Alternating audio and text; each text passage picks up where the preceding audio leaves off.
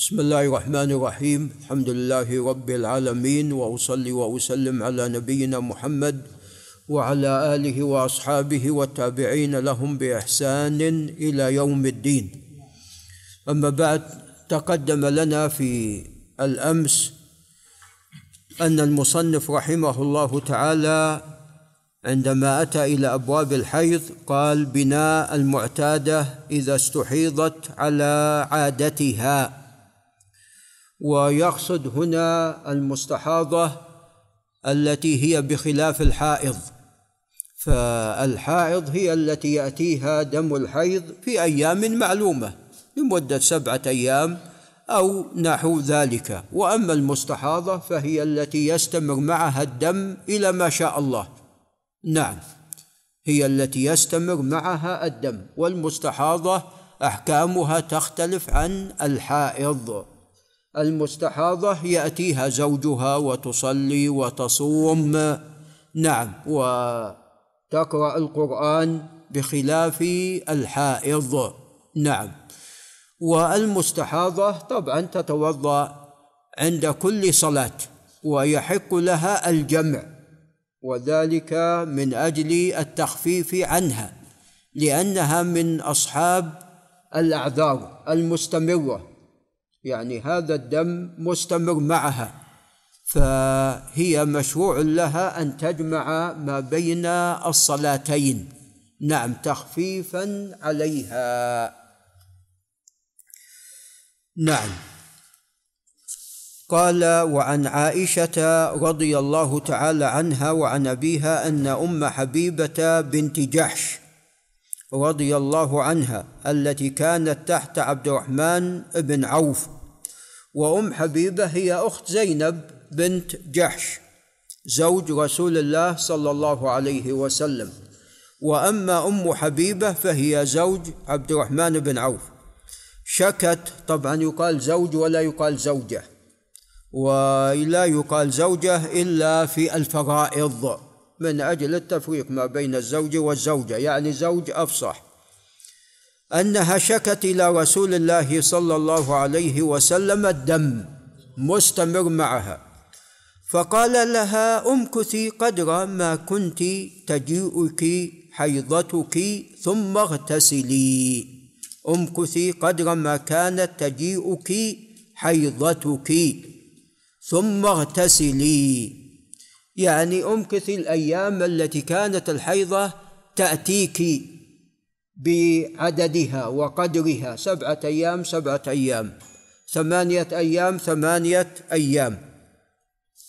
ثم اغتسلي.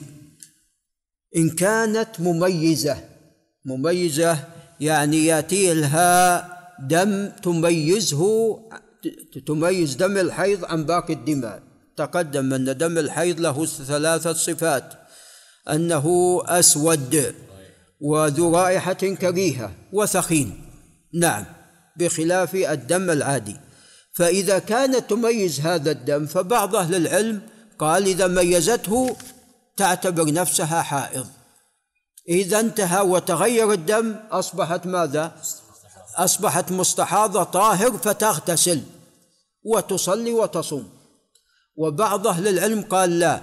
إنما تجلس بقدر إنما تجلس مدة أو الأيام ذاتها التي كانت تأتيها الحيض فيها قبل أن تأتيها الاستحاضة. يعني مثلا امرأة كان الحيض يأتيها في بداية كل شهر ثم أصبحت مستحاضة. قال إذا تجلس بداية كل شهر. وهذا رأي المصنف. والقول الآخر هو الذي تقدم والمسألة محل خلاف قوي بين أهل العلم.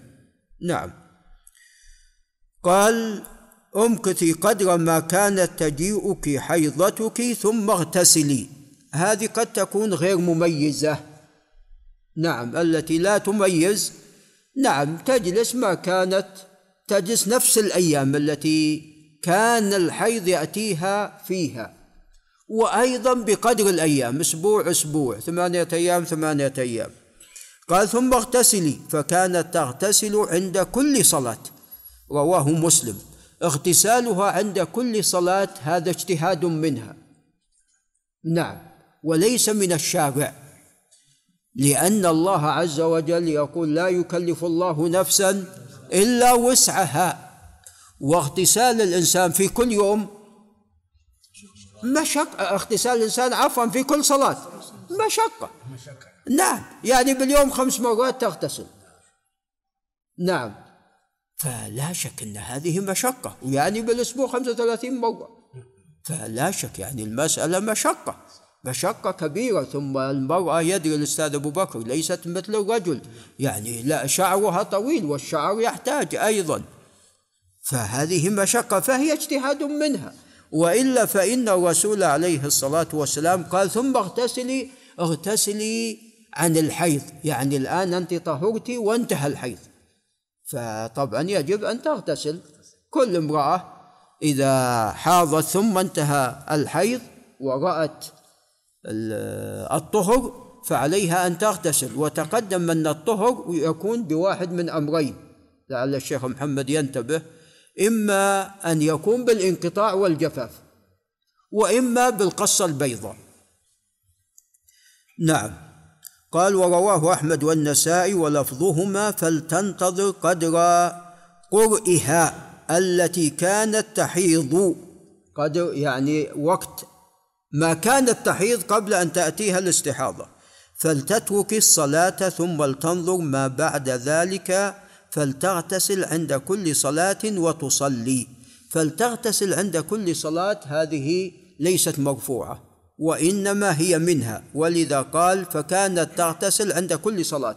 هذا لفظ مسلم وهو أصح. نعم. قال وعن القاسم أي القاسم بن محمد بن أبي بكر الصديق عن زينب بنت جحش الأسدية أن رضي الله عنها أنها قالت للنبي صلى الله عليه وسلم إنها مستحاضة فقال تجلس أيام أقرائها يعني أيام حيضها ثم تغتسل فتؤخر فتؤخر الظهر وتعجل العصر. هذا يسمى جمع صوري. ما هو الجمع الصوري؟ هو أن تؤخر الصلاة الأولى إلى آخر وقتها. وتقدم الصلاة الثانية إلى أول وقتها فيكون كأنك قد جمعت. لكن ليس جمعا حقيقيا. الجمع الحقيقي هو أن تأتي بالصلاتين في أحد وقت الصلاتين. يعني مثلا جمع تقديم تقدم العصر إلى وقت الظهر. جمع تأخير تؤخر الظهر إلى الآن. دخل وقت العصر تصلي الظهر ثم تصلي العصر. هذا الجمع الحقيقي. وأما هذا فهو جمع صوري وهذا ليس أيضا مرفوع وإنما فتوى لأهل العلم نعم من التابعين وغيرهم. قال فتؤخر الظهر وتعجل العصر وتغتسل وتصلي وتؤخر المغرب وتعجل العشاء وتغتسل وتصليهما جميعا وتغتسل للفجر. رواه النسائي. كم مرة إذا تغتسل؟ ثلاث مرات وهذا مشقة هذا مشقة فهذه فتوى لأهل العلم.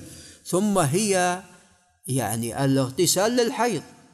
هي مستحاضة ليست حائض. حتى يعني يتكرر هذا الاغتسال. قال وعن أم سلمة رضي الله عنها وهي هند بنت أبي أمية زوج رسول الله عليه الصلاة والسلام. أنها استفتت رسول الله صلى الله عليه وسلم في امرأة تهراق الدم يعني مستحاضة. فقال رسول الله صلى الله عليه وسلم لتنظر قدر الليالي والأيام التي كانت تحيضهن وقدرهن من الشهر. يعني تحي سبعة أيام سبعة أيام من أول الشهر من أول الشهر. فتدع الصلاة. لأن تعتبر نفسها حائض في هذه الأيام. ثم لتغتسل. إذا انتهت الأيام. ولتستثفر. الاستثفار هو أن تضع على فرجها يعني قطن وما شابه ذلك حتى لا ينتشر الدم في ملابسها وباقي جسمها. ثم تصلي. رواه الخمسة إلا الترمذي. نعم. ولعل نقف عند هنا ولعل الشيخ مصطفى ينتبه لأن أبواب الحيض يقول العلماء هي من أصعب أبواب الفقه. نعم وذلك لكثرة الاختلافات. نعم يعني ما النساء ليس لهن ماذا؟ ليس لهن شيء مستمر. نعم ليس لهن نعم شيء ثابت مستمر. نعم بحيث كل النساء هن صفة هذا الشيء عندهن واحد لا. امرأة أول الشهر امرأة وسط الشهر امرأة نهاية الشهر امرأة تحيض عشرة أيام امرأة تحيض سبعة أيام. نعم. امرأة أقل امرأة أكثر. نعم. فليس هن على وتيرة واحدة. ولله حكمة. لله جل وعلا حكمة. هناك امرأة تحيض سبعة أيام. نعم. الشهر الذي بعده أصبح ثمانية أيام الشهر اللي بعده أصبح تسعة نعم. ننظر إلى التمييز هنا أو لون الدم أو ونقول الأصل أنه حيض والله بارك الله فيك. يعني من يقول بالتمييز تنظر في التمييز. من يقول في التمييز تنظر في التمييز. ومن لا يقول بالتمييز ينظر إلى الغالب. إن كان إن كان الغالب عليه سبعة أيام سبعة أيام. إن كان ليس هناك غالب تحتاط. تجعل سبعة أيام وتغتسل وتصلي. التمييز هو واضح. نعم إذا استطاعت أن تميز يعني بعض النساء قد لا تستطيع أن تميز. إذا كان هناك تمييز أنا أميل مع أن المصنف عندما اختار الألفاظ بدقة عندما اختار ألفاظ الأحاديث وفيها قدر الأيام. يعني قول قوي فلذا ترددت. أنا ولا كنت أميل إلى التمييز من قبل. نعم. فنسأل الله أن يبين لنا وأن يفقهنا في ديننا. هذا وبالله تعالى التوفيق.